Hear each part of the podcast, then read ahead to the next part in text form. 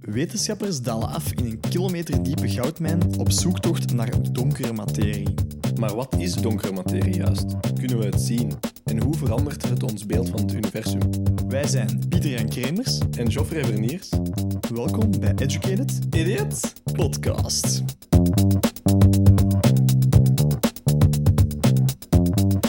Alright, welkom terug bij Educated Idiots Podcast. Over wat gaan we het vandaag hebben? Donkere materie. Iets waar ik echt eh, niet van op de hoogte was eigenlijk.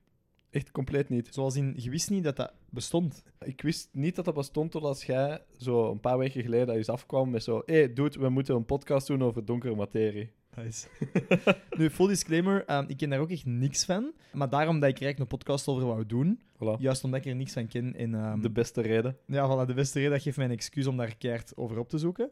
Maar we, ja, zoals altijd, koppelen we het ook wel aan een, een Ja. eh, populair wetenschappelijk artikel. Deze keer van het laatste nieuws. Dat is volgens mij al een tijdje geleden. dat we nog dat, iets van eh, HLN hebben gehaald. Toch onze favoriete nieuwsbron. Ja, toch wel. Hè. En ook meest gelezen, denk ik, in Vlaanderen. Dus eh, ik vind het toch nog altijd een hele toffe om van eh, Mhm. te starten. En eh, het artikel heet... Wetenschappers proberen het mysterie rond donkere materie te ontrafelen en kruipen daarvoor in een kilometer diepe goudmijn. Nu, misschien moeten we even starten bij wat dat wij denken, zonder er al iets over opgezocht te hebben, wat dat donkere materie is. You go first, please. You go first. Ja, ik, eh, mijn enige kennis daarover is wat eh, het artikel van HLN mij heeft verteld. Jack shit dus. Jack shit. Maar één cijfer vond ik wel echt crazy. En is dat wetenschappers blijkbaar gokken dat ongeveer 85% van alle materie in het universum donkere materie is. Wat mijn hoofd echt doet tollen, want dat zou willen zeggen dat vijf- 85% van mij waarschijnlijk dan ook donkere materie is. Ik weet niet of dat klopt, maar inderdaad, dat zou ik dan ook denken of zo. Nu, ook, allee, ik wou er inderdaad een podcast over doen, maar ik weet dus niet wat dat is. Ehm, we hebben ook allebei op UNIF wel wat fysica gehad. De term donkere materie is, denk ik, nooit aan bod gekomen. Of ik heb echt totaal niet opgelet toen het daarover ging. Ik denk maar... niet dat dat ooit... Denk, Nee, toch? Maar als, als, als dat effectief klopt, dat 85% van alle materie donkere materie is, vind ik dat eigenlijk waanzin dat wij daar nooit bij fysica over hebben geleerd. Van, hey, jongens, it's a thing. Allee, dat is een ding. We weten misschien nog niet wat dat het is, maar hallo, Ja. wees u daar bewust van dat wij eigenlijk van 85% nog niks weten. Want, dat staat dus ook in dat HLN-artikel, eh, dat is 85%. Maar eigenlijk weten wetenschappers blijkbaar nog niet zo heel goed wat dat, dat überhaupt is. Maar misschien is het daarom dat we er nog niet over geleerd hebben. Hè? We het is al zoveel om te leren wat iedereen al, wat, Wat dat we wetenschappers al, kennen. weten. Ja, ja, ja. staan wat zo... een- allee. Ja, oké, maar het is ook belangrijk dat je zo hiaten in kennis een beetje aanduidt. Plus, je mag ook niet onderschatten hoe lang geleden is dat wij... Allee, lang, tussen aanhalingstekens, dat wij eh, op UNIF zaten en dat wij fysica hebben gekregen. Ja, dus wie weet was dat toen nog niet echt een ding of een bekend ding. Is dat niet al tien jaar geleden bijna? Maar joh. Wij, Ja, wij zijn tien jaar 2013. afgestudeerd van middelbaar. 2013. Ja. Dat is het eerste... Fysica was het ja, eerste dus jaar. al wel even. Ja, dus wie weet wordt dat nu echt gewoon gegeven. Ja. Uh, maar in elk geval, misschien even hebben dan over wat wij nu denken dat zwarte, eh, zwarte materie is. Ik dacht toen ik dat als allereerste keer hoorde, dacht ik, ah, dat is materie van een zwart gat. Heeft er absoluut niks mee te maken, blijkbaar. Maar eigenlijk is dat echt heel logisch. Ja, toch? Ik dacht dat daar net ook nog altijd aan. Misschien is dat gewoon materie dat in zwarte gaten zit. Nee, maar dat is Dus dus totaal fair. niet waar. Dat heeft, het een heeft niks met het ander te maken. Uh, we gaan misschien ook nu niet hebben over zwarte gaten. Dat is misschien voor een andere podcast. Maar Misschien moeten we ons gewoon naar een space podcast Ja, voilà. Zo cool allemaal. Ehm, maar dus zwarte materie, we weten niet zo heel goed wat dat, is, blijkbaar. Eh, het enige wat dat we ervan weten is... Ik zeg trouwens nu zwarte materie, het is eigenlijk gewoon donkere materie. maar bah, donkere materie, we weten niet goed wat dat, is. Wat dat we wel weten, is dat dat niet interageert met licht. In de zin van normale materie, zoals ik zeg maar iets, een kast of whatever. Als daar licht op botst, dan, dan een deel wordt geabsorbeerd door die kast of whatever, door die Mhm. stof. Een deel wordt gereflecteerd enzovoort. Bij donk en dat geeft dus ook eigenlijk ja, een uitzicht van iets. Hè? Dus als je bijvoorbeeld als je een witte kast hebt, dan betekent dat dat al het licht wordt gereflecteerd. Als je een Mhm. groen blad hebt, dan betekent dat dat alle kleuren buiten groen wordt gereflecteerd. Hij wordt ge, ja, geabsorbeerd. Sorry. Geabsorbeerd, Eh, ja. bij donkere materie wordt er, gebeurt er gewoon niks. Dus licht gaat daar, denk ik, gewoon door, waardoor dat je dat niet kunt zien. Dus donkere materie is, denk ik, dat is mijn assumptie nu, ook alleen nog maar theorie. We hebben dat nog nooit echt kunnen... Maar hoe dat ook werkt, ja. we kunnen het niet zien. En dus wat dat ze nu willen doen, hè, want in het artikel staat dus, ze proberen het, het mysterie rond donkere materie te ontrafelen in een kilometer diepe goudmijn. Heeft goud- gen- ge- ja, genieten. Ik wou het net zeggen. Dat, dat goudaspect heeft helemaal niets Nee. te maken. Dat is gewoon echt HLN. Dat zo, we need to make this more juicy. Ja, exact. dat zo, eh. niemand klikt op donkere materie. Nee, en, eh, nee. Maar nu zo, oké, kilometer diepe goudmijn, Ja, sure. inderdaad. Eh, blijkbaar, inderdaad, zoeken ze daar gewoon vooral heel veel donker. En shielding van kosmische straling, right? Ja, Ja. want de assumptie is dat donkere materie wel kan, kan botsen of interageren met gewone materie. Mhm. En bij zo'n botsing zou er energie vrijkomen dat eigenlijk licht uitstraalt. Oké. En dat licht willen ze waarnemen. Maar volgens hun whatever theoretische modellen is dat licht zo, zo fijn, zo niet helder, dat inderdaad je dat enkel zou kunnen waarnemen in een hele donkere mijn bijvoorbeeld, waar dat er geen ruis is van Mhm. zogenaamde kosmische straling. Ja. Dus dat gaan ze in die goudmijn doen.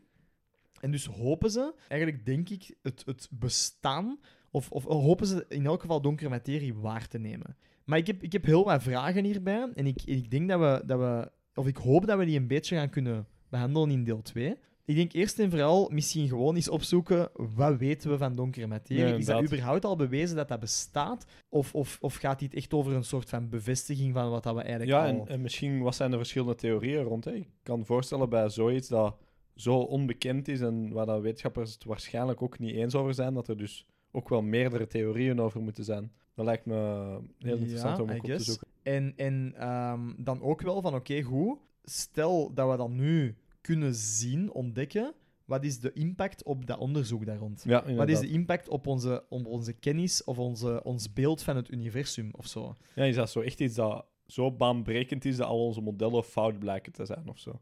Ja, wel, inderdaad. Want Mhm. Ik denk dan gewoon van, hoe dat ze het in het artikel zeggen, want het heelal bestaat voor 85% daar zo gezegd uit. Die schatting is er eigenlijk gekomen doordat blijkbaar sterrenstelsels, inclusief het, ons, ons zonnestelsel, te snel draaien. Allee, al- eigenlijk, ik zal het anders verwoorden. Als je, als je zou berekenen hoe snel dat een sterrenstelsel draait op basis van alle objecten die we kunnen waarnemen, dan zou dat veel trager draaien dan dat het eigenlijk nu draait. Ja. Dus daarom zeggen ze, het zou 85% hè, meer gewicht moeten hebben, Mhm. meer massa moeten hebben. En dat steken ze dan nu op donkere materie. ja, ze hebben gewoon zo een zwart schaap nodig om het zo Ja, te wel, noemen. voilà. Maar is dat, is dat... bestaat donkere materie echt? Of hebben ze dat in het leven geroepen als wiskundig trucje Mhm. om eigenlijk het falen van onze huidige modellen een beetje op te coveren? Ja, inderdaad. Zijn misschien, ja, inderdaad. zijn misschien gewoon de fysische modellen die wij al jaren hebben en die wij jaren denken dat juist zijn, misschien gewoon wel fout. En is hebben gewoon een nieuwe evolutie van evolutie, nieuwe vooruitgang van modellen nodig. Ja, inderdaad. Moet er gewoon een, een Mhm. doorbraak komen en gaan wij ooit zeggen van, ja, donkere materie, dat was eigenlijk gewoon zo'n beetje een gimmick. Ja, eh, om eigenlijk onze falende modellen in op te vangen. Maar achteraf gezien hadden we het kunnen weten, want ja, 85% werd niet verklaard. ja ik, ik, er gaat er zo'n empirische formule zijn waar je zo, kent je wel die wiskundige empirische formules waar je opeens zo 31,52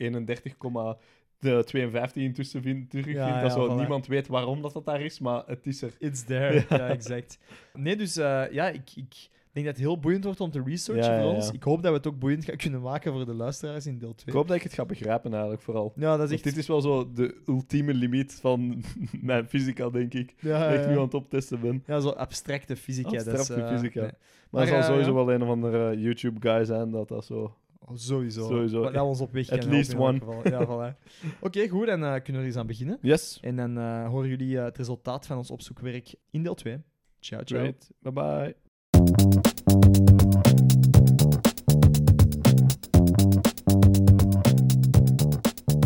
Welkom terug bij deel 2. Geoffrey, ehm, dit is een van die afleveringen waar dat ik die opzoekwerk doe over het onderwerp mij gewoon meer verward heeft gemaakt. Ja. Ehm, Hadden we dat niet ook voorspeld eigenlijk? ja, zo vorige keer zo, ik denk dat dit de limiet is van mijn fysica-kennis. van, ons, van ons kunnen gewoon Ja, is ook gewoon echt gebleken. Aha. Nu, wat, wat is wat twee... Of eigenlijk één echt grote vraag zijn de... Wat is donkere materie? Ik moet Ik denk helaas... dat ook de vraag is dat iedereen heeft ja, wel, ik moet helaas meedelen dat inderdaad daar gewoon geen... Dus dat is een beetje spoiler alert. Er is geen antwoord op. Ja, je Niemand je- dat Je weet. kunt het eigenlijk nu gewoon afzetten ook. Ja, Maar pl- please niet doen. Nee, please don't. Eh, nee, maar niemand dat weet. Ehm, en dat vind ik wel zot, want Mhm. vaak, hè, is er wel zo in onderzoek van ja, dit moet nog bevestigd worden, maar zijn er heel goede theorieën. In, in dit veld heb ik de indruk dat echt alles nog kan. Ja. Uh, dat, dat het evengoed kan dat een van de theorieën die nu op tafel liggen binnen een paar jaar gewoon bevestigd wordt. Of dat er iemand binnen x aantal jaar zegt van ah ja, nee, het is echt gewoon totaal anders dan we tot nu toe dachten. Inderdaad, klopt. Maar dus ik heb mijn, mijn opzoekwerk een beetje gefocust eigenlijk op waarom denken we überhaupt dat er zoiets is als donkere materie? Hey, los van de vraag wat dat het dan eigenlijk is, want dat, is, dat was heel duidelijk, heel snel, dat we daar toch geen antwoord op zouden krijgen. Dus ik ben een beetje gaan opzoeken dan van oké, wanneer is dat in de picture gekomen en waarom denken we überhaupt dat dat een ding is? Ja, ja dat heb Ehm, ik eigenlijk eh, net hetzelfde gedaan. Ah, ik denk voilà, dat we zo wat de geschiedenis van donkere materie licht kunnen Ja, bovenhalen. ja. Uh, mijn opzoekwerk zijn gestart eigenlijk in 1929. Ik weet niet of jij verder terug in de tijd zou kunnen gaan. Is dat Frits? Nee, ik ben Ah, ehm, bij Edward Hubble Ah, gestart. Uh, Van de Hubble van de. Hubble, ah ja, dus eh, dat is eh, de, de man waarnaar het Hubble, Hubble-telescoop vernoemd is. En eh, eigenlijk met een ontdekking die hij gedaan heeft. Op een bepaald moment is Edward Hubble, dus als een wetenschapper, is die eh, gaan kijken naar, de, naar verschillen in golflengte van licht dat we eigenlijk observeren van verschillende sterrenstelsels. Dus hij is eigenlijk gewoon met telescopen gaan kijken, 1929, dus echt al lang geleden, Mhm. bijna 100 jaar geleden, is hij gaan kijken naar sterrenstelsels. En wat dat hij ontdekt heeft, is eigenlijk dat, eh, dat hoe verder een sterrenstelsel ligt, eigenlijk hoe roder de kleur was die hij observeerde. Ja. Dat is iets wat we eigenlijk ook in onze aflevering over James Webb hebben Ja, besproken. Hè? Dat noemen ze zo de, de red shift, Mhm. de rode shift. Wat dat eigenlijk op het, op het zicht heel onverklaarbaar is. En waarom zou dat zijn? Maar zijn interpretatie was eigenlijk van oké, goed, dat kan alleen maar betekenen dat het universum aan het groter worden is.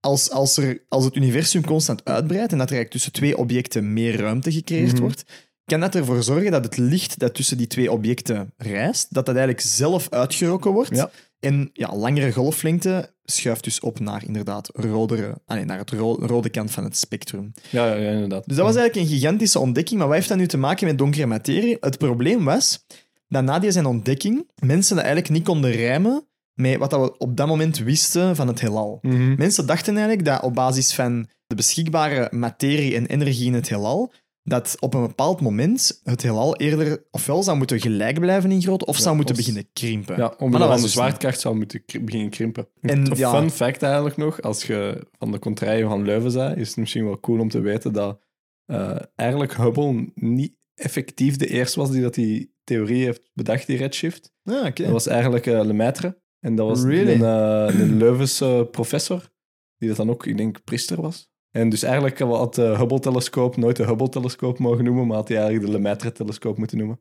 Is Lemaitre ook niet die kerel van de Big Bang? Die Ja. eh, dat eigenlijk zo, Inderdaad. die een theorie Die, die- en die heeft? ook, denk ik, het begin van die, de redshift vastgelegd. Oké, vet. theorie. Maar misschien is dan Lemaitre eerder de persoon die het bedacht heeft en Hubble die het experimenteel heeft vastgesteld. Waarschijnlijk. Dat kan goed is- zijn. Ik denk dat, hij, denk dat Lemaitre was een eh, theoretische fysicist. Ah, ja, ja. Dus, ja, eh, ja, ja. mhm. Oké, maar dus hé, dat was een, een, een, zot, een zotte ontdekking eigenlijk, die dan toen al... eigenlijk- ah, toen kwamen er dan mensen, en ik denk dat jij daar iets meer over hebt opgezocht, Ja. kwam er een bepaalde kerel op met een bepaalde theorie die dat dan zou kunnen verklaren. Ja, ik heb eigenlijk zo wat twee be- beroemde of belangrijke jaren Mhm. hier verzameld eh, in de donkere materie-theorie. Laten we het zo zeggen. Of die dat belangrijk zijn voor de dark matter. En dat is in eerste is in 1930. En dat is door een, eh, een wetenschapper genaamd Frits Zwicky. Nice. Ja, ik weet niet dat ik deze naam juist Waarschijnlijk eigenlijk. niet. Nee, maar eh, Frits, sorry, als je nog leeft. Ehm, Betwijfeld. maar die mens, of die wetenschapper, zag dus eigenlijk dat het heelal, of dat er verschillende heelallen waren, verschillende galaxies, om het Engelse woord te gebruiken, en die draaien aan een zeer hoge snelheid. Want die... eh allee, die rond- allee, die zijn gewoon die aan het- draaien aan rond hun as, ja, ja, Die draaien rond een centraal punt aan een zeer hoge snelheid. Ja, de melkweg ook, hè, dus melkweg waar dat wij natuurlijk. Mhm. En hij had eigenlijk berekend dat als die, als die aan die snelheid draaien, als die die massa hebben dat zij kunnen waarnemen, dan zouden die eigenlijk uit elkaar moeten spatten. Mhm. Dus hij had- als, die, als de, de huidige heelallen die wij observeren, Mhm. inclusief de melkweg, Ja, dat eigenlijk met de snelheid waaraan dat wij, die, dat wij observeren dat die momenteel draaien, zouden die inderdaad moeten gewoon desintegreren en uit Ja. elkaar spatten. Oké. ja, er is eigenlijk een massatekort dat die galaxy samenhoudt, zo gezegd. En dat Dus is, die zijn eigenlijk te licht Ja. om, om bij elkaar gehouden Ja, te kunnen worden. Oké. Dus eh, er ontbreekt massa eigenlijk. Eh, en hij noemt dat dus eigenlijk een soort van... Hij, ik denk dat hij de eerste keer is dat iemand dat dark matter heeft genoemd.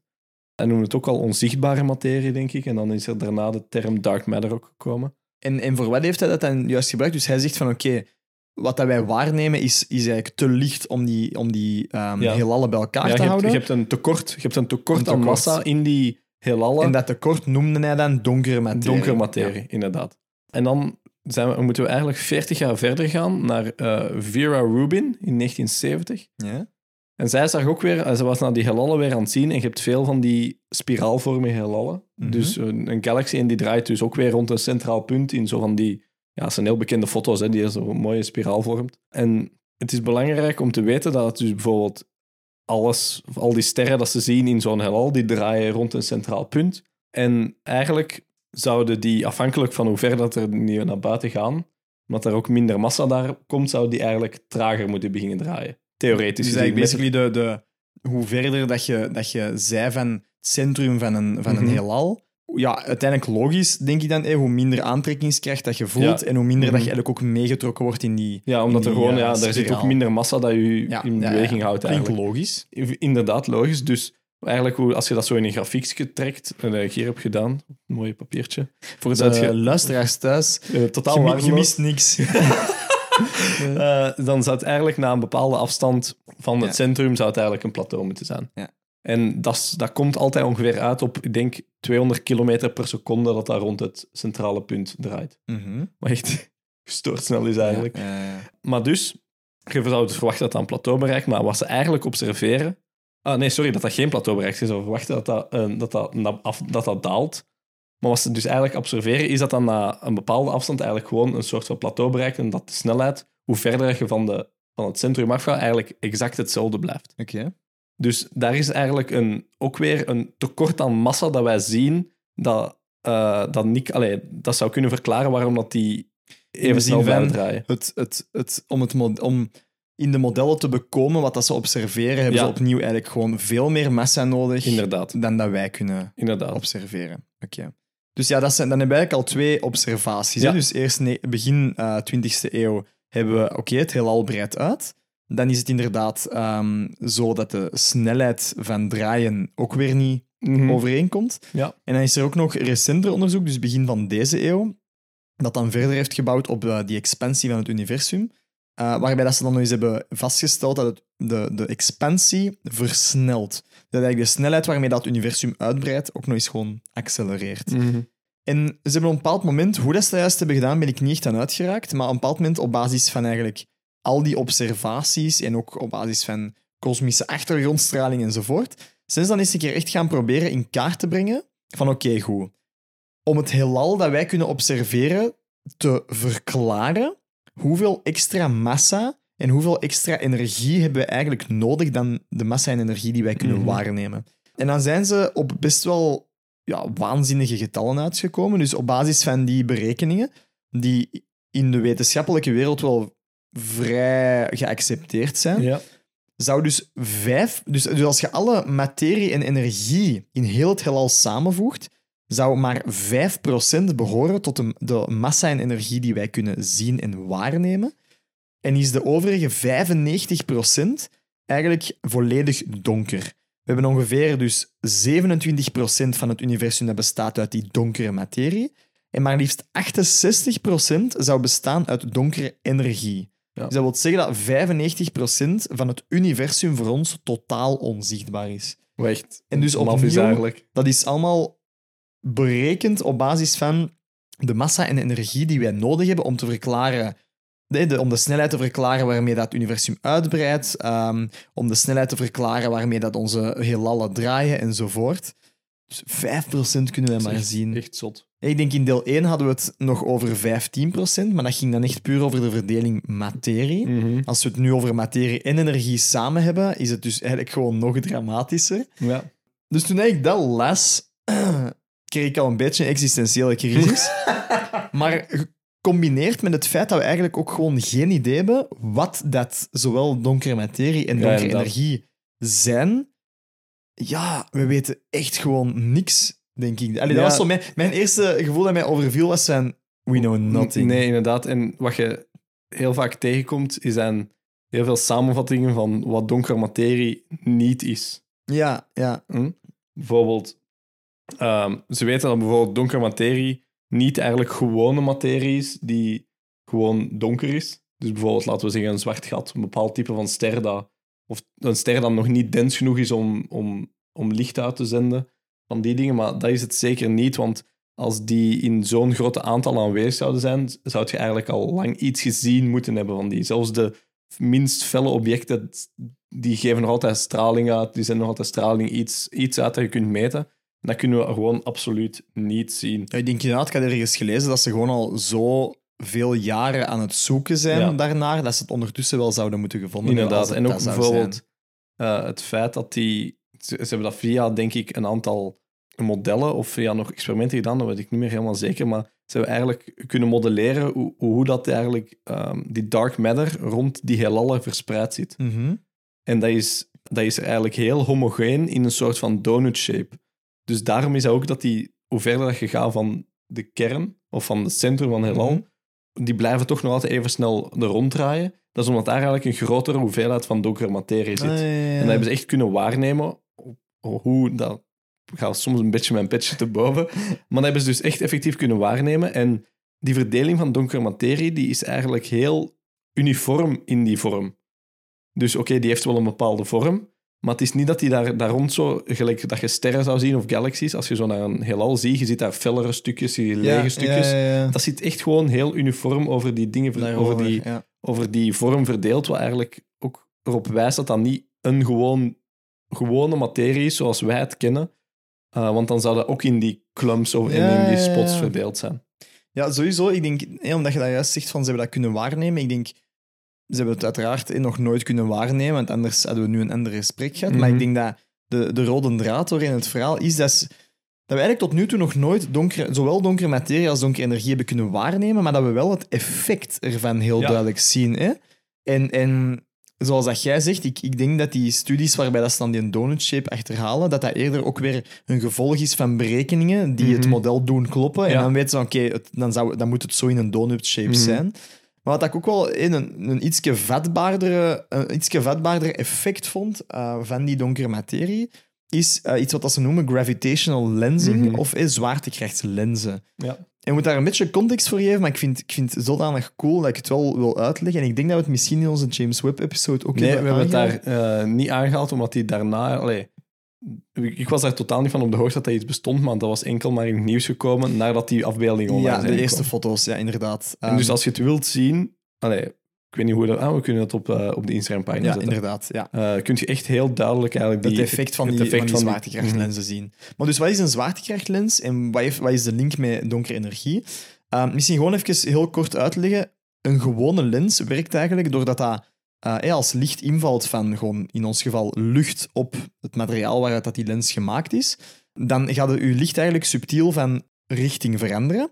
En in onze camera's enzovoort, in onze ogen, wordt dat, dat veranderen van richting van licht eigenlijk gebruikt om invallend licht te focussen op een soort Ja. van focuspunt, eh, zodat je sensor dat heel goed kan waarnemen. Inderdaad. Op die manier kun je ook eigenlijk ja, objecten die van heel ver komen, zodanig, eh, het licht daarvan zodanig eh, vervormen, dat het eigenlijk heel hard vergroot wordt. Ja, gelijk een telescoop, gelijk eigenlijk Ja. Allee, En- James en, Webb het eigenlijk. omgekeerde kun je dan ook doen met een microscoop om heel kleine dingen te vergroten, doordat je eigenlijk die lichtstralen ofwel eh, uit elkaar trekt of, of naar elkaar bundelt. Nu, in de ruimte heb je datzelfde effect eigenlijk ook, maar dat heeft niks te maken met, met lenzen zoals dat wij ze kennen, hè. Solide objecten, maar dat heeft eigenlijk alles te maken met dat er in het heelal zodanig grote objecten zijn, zoals bijvoorbeeld zwarte gaten, die zodanig zwaar zijn dat die eigenlijk ja, een soort van trekkracht en zwaartekracht uitoefenen op licht dat voorbij vliegt. Mhm. Waardoor dat het licht dat voorbij vliegt eigenlijk van richting verandert. Mhm. Dus dat, dat heeft een beetje een gelijkaardig effect als, als gewoon een, een, Een gewone lens. een gewone lens.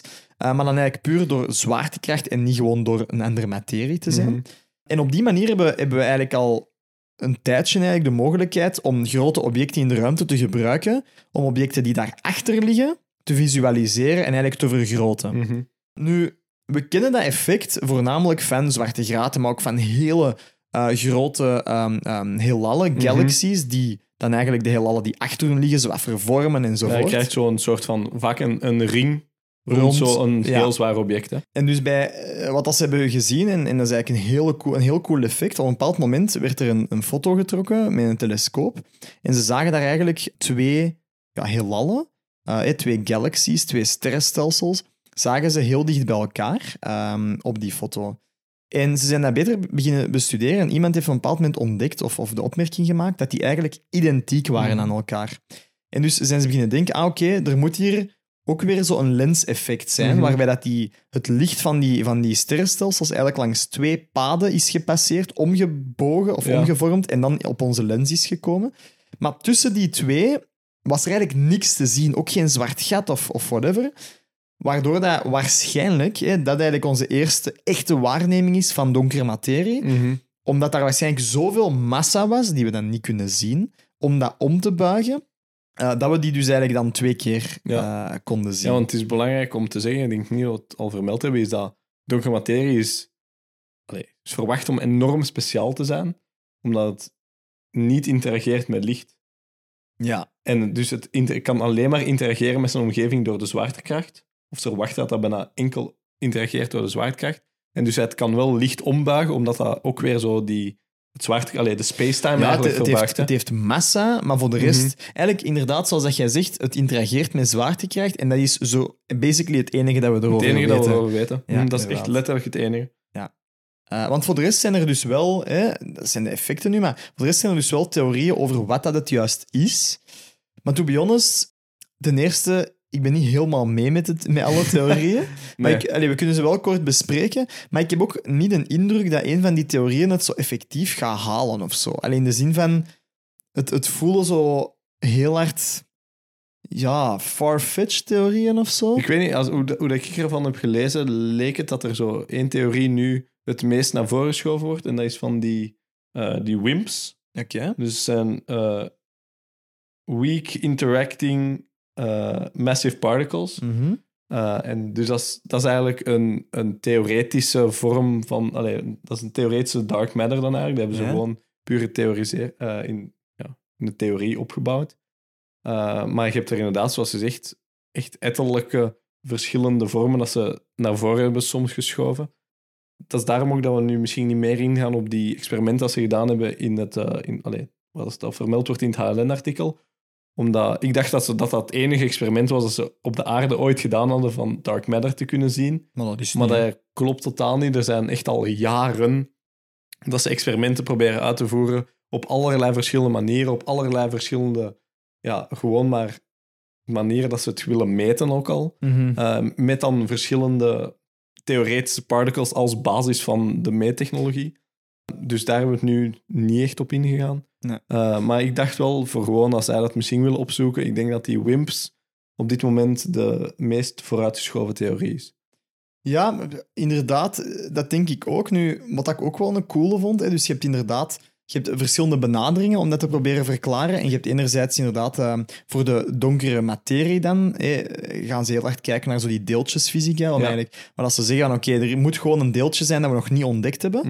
Uh, en ik kan dat gerust volgen, dat zou goed kunnen. Uh, maar dat ik wat meer um, naar ben gaan kijken, is die donkere energie. Omdat ik dacht van, oké, dat is toch 68% van wat dat we hier kunnen uh, Mhm. waarnemen.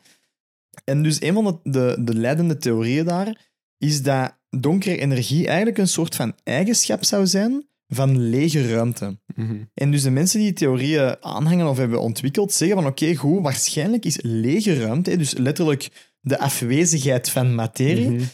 Um, is waarschijnlijk heel wat meer dan dat wij denken dat dat is. Wij denken dat dat echt letterlijk niks is. Ja. Maar die mensen zeggen van nee, dat is echt een, een ding, hè, zonder massa wel, of zonder Mhm. waarneembaar iets. En, en dat heeft bepaalde eigenschappen. En een van de eigenschappen van lege ruimte zou dus zijn het hebben van die energie, van die donkere Mhm. energie. En dat zou bepaalde dingen kunnen verklaren. Bijvoorbeeld, wat dat ze tot nu toe hebben kunnen zien, is dat eigenlijk de densiteit van donkere energie eigenlijk overal gelijk blijft in het universum. Terwijl dat het universum wel constant uitbreidt. En dat is eigenlijk heel speciaal, want wat dat we wel zien, is dus dat de materie die we kunnen waarnemen, dus de zichtbare materie en, en, en alles wat dat daarbij hoort, wordt eigenlijk minder dens en minder dens naarmate dat het universum uitbreidt. Dat, de ruimte wordt groter, dus dingen gaan ook verder uit elkaar liggen. Maar donkere energie blijft eigenlijk even dens aanwezig, wat dat eigenlijk wil zeggen dat evenredig met hoeveel extra ruimte dat er gevormd wordt, dat er ook extra donkere energie gevormd wordt. Mhm. Uh, wat dat ook weer die theorie een beetje ondersteunt, van Ja, dat dat echt een eigenschap is van, van ruimte. Um, en diezelfde mensen zeggen ook van, oké, lege ruimte is eigenlijk toch echt... Dat is gewoon een ding dat we nog niet hebben kunnen vastleggen, maar dat is echt een soort van... Ja, Object. ding- een object eigenlijk. Een object massaloos massa. object, dat zichzelf eventueel ook kan repliceren. Hoe dan ook dat het in elkaar zit, is de vaststelling wel zo dat het universum groter wordt en er ook donkere energie bij komt, maar er komt geen gewone energie en gewone massa bij. Hm. Dus eigenlijk, hoe, hoe verder dat we gaan in de toekomst, Ja. hoe donkerder dat het universum Mhm. zal worden en ook hoe sneller dat dat zal blijven uitbreiden, Ja. lijkt nu zo de theorie. Wat dat, dat inhoudt, I have no idea. Ja. Maar dat is wel zo precies de gangbare theorie momenteel. Eh, er zijn ook heel veel wetenschappers die met computersimulatiemodellen werken. En die simuleren dan bijvoorbeeld heel het universum. Eh, en die gebruiken een theoretisch deeltje, een theoretisch dark matter, deeltje. En dat is eigenlijk een andere indirecte bewijs eigenlijk dat er iets gelijk dark matter moet zijn. Want indien dat die, die simulaties runnen zonder een dark matter, deeltje, ziet dat universum compleet anders eruit dan het eigenlijk is. En dus indien dat die, simulaties runnen met de juiste parameters van een theoretisch dark matter deeltje, dan ziet dat identiek hetzelfde uit als het universum is. Dus die, er zijn zelfs momenten, en die persoon die, ik denk dat hij in een interview zei, dat die, eh, ik kan zijn naam niet meer eh, voor de geest halen, maar die, die hadden dus dat programma laten runnen. En die hadden daar dus bepaalde afbeeldingen uitgehaald. En die hadden dat voorgelegd aan andere wetenschappers, andere ehm, astrologen. En die konden niet aanduiden van welk dan nu een echte foto is, versus welk dan nu eigenlijk het model is. Oké, dat is wel crazy. Ja, Hey, dat is ook wel echt gewoon heel cool voor die wetenschappers dat die zo'n goed model hebben. Dat inderdaad. dat het kan vormen. Dus ze- Ehm, daar kun je ook wel wat informatie uithalen van eigenlijk, ja, er moet gewoon een deeltje zijn dat we missen. Ja, ja, ja, ja. Nee, oké, cool. Maar dus ja, om even uit te zoomen. Mhm, Ja. Dus eigenlijk, hé, want een van de vragen die wij in deel 1 hadden was van ja, oké, donkere materie, is dat überhaupt een ding? Het is wel degelijk een ding, denk ik. Ik denk dat we daar 100% echt niet... Allee, je hebt nooit 100%, maar ik snap wat je wilt zeggen. Ja, gewoon maar ja, bij ja. aan, aan eh, zekerheid grenzende waarschijnlijkheid is het, bestaat het, bestaat donkere energie ook. We zijn er ook gewoon al meer, allee, bijna 100 jaar mee bezig als, als mensheid om, ehm, om dat in kaart te brengen van wat, allee, dat het bestaat. Maar ik heb de indruk dat we, dat, dat we echt nog in de kinderschoenen staan wat betreft identificeren wat het is, Mhm, ehm, hoe het werkt en wat de implicaties zijn ook gewoon op ons begrip van het universum. Ja. Dus ja, ergens blijven een beetje op onze honger zitten. Aan de andere kant vind ik het ook wel cool om te beseffen dat er... Ja, dat je, dat je wel echt nog naar de sterren kunt kijken als mens en kunt bedenken van oké, goed, wij weten hier nog zo weinig over. En, Inderdaad. En, en, er, er valt nog zoveel te ontdekken. Er is echt Ehm, in, ja, immens veel nog te ontdekken. Ja. En ik denk dat dat wel een coole boodschap is of zo om mee te nemen. In de zin van, eh, soms als je op, op, op school of bij fysica leert over de wetten van Newton enzovoort, dan denk je soms van, ah, oké, we hebben alles in kaart gebracht. Ja. Maar dat is eigenlijk absoluut niet zo. nee. En dat maakt het wel heel exciting. Inderdaad, Zo. zeker. Zeker nu ook. Ik heb het gevoel dat we echt zo op een... Allee, misschien heeft iedereen dat gevoel, hè. Als je zo op het, het, het toppunt van wetenschappelijk onderzoek altijd staat, maar misschien heeft elke generatie wel zo een... Maar wat er nu uitkomt, is echt... Uit wetenschap komt, is echt helemaal gek. Eh, maar ik ben echt heel enthousiast eigenlijk naar de toekomst. Eh, voor zowel dit onderzoek als meer James Webb-onderzoek, als gewoon meer zo in kaart brengen van, van waar komen wij eigenlijk. Dan heb ik het niet over zo biologisch van waar komen wij, maar Nee, waar, nog komen echt onze, van waar komen onze deeltjes waaruit wij opgemaakt zijn. Ja, ja, ja. Ja, en, en ook gewoon... ah, ik vind het zo confronterend om... Allee, we, we we zijn nog juist bezig eigenlijk met in kaart te brengen hoe dat wij in elkaar zitten, atomen enzovoort. Maar dat blijkt gewoon allemaal maar 5% te zijn van het universum dat we weten. Want voor hetzelfde geld komt er binnen 50 jaar iemand af met... Ja, ja, maar je hebt wel eh, donkere materie en energie, maar je hebt eigenlijk ook nog deze. Ja, Allee, dat kan ook, hè. paarse materie. Ja, voilà, ik zeg niet maar iets. Dus ja, bon, van, van wat dat we weten dat we niet weten, is er nog zoveel te ontdekken. En dan ja. heb je nog zo'n hele andere wereld die nog voor ons open kan gaan, van wat dat we gewoon nu nog niet kunnen begrijpen dat we niet Ja. weten. Dus Hoe snel voordat zo een of andere scam company zo een of andere geurkaars release dat zo de donkere materie in je lijf activeert. probably. Dat is- Probably. Dat is, sowieso. Want nu met zo wat crystals die al donkere materie. eh, Maar dat is de, de, de sad waarheid. Dat zo, de moment dat dat wordt uitgevonden, dat waarschijnlijk op een of andere manier gecommercialiseerd Ja, ja, ja. gaat worden. Zo, get your free dark matter sample today. Ja. Nee, nee, inderdaad. Dark matter activating eh, shower shell. Ah, ja, ze gaan het wel kunnen verkopen somehow. Anyways, eh, ja, een beetje... ehm, ja, we blijven een beetje op onze honger zitten, maar het is exciting. Ehm, Ik denk gewoon dat heel de wetenschappelijke wereld op zijn op honger zijn honger blijft blijft zitten, ja, inderdaad, true. Ja, je moet ook wel sukken eigenlijk, als je dan zo begin 20e eeuw, hè, dat wordt ontdekt en je denkt van, ah, cool, cool, cool, cool. Maar zo al die wetenschappers die daar toen op bezig waren, die bestaan gewoon ook al niet meer. Dus om maar te kaderen hoe lang dat, dat eigenlijk al een, Mhm. Ja, ja. een puzzel is, waar dat ze op zitten te, te kauwen, gewoon van... Mhm. pff. Ehm, nee, heel cool. En heel moeilijk. Ja. Maar eh, cool dat we er eens iets over hebben opgezocht. Ik hoop dat de luisteraar er ook iets aan heeft gehad. En anders wachten jullie volgende week een iets begrijpbaardere episode. Binnen twee weken. Hè. In twee weken. Anders wachten jullie binnen twee weken een iets begrijpbaardere episode. Al die gekke Ciao. verwachtingen hier. Ciao.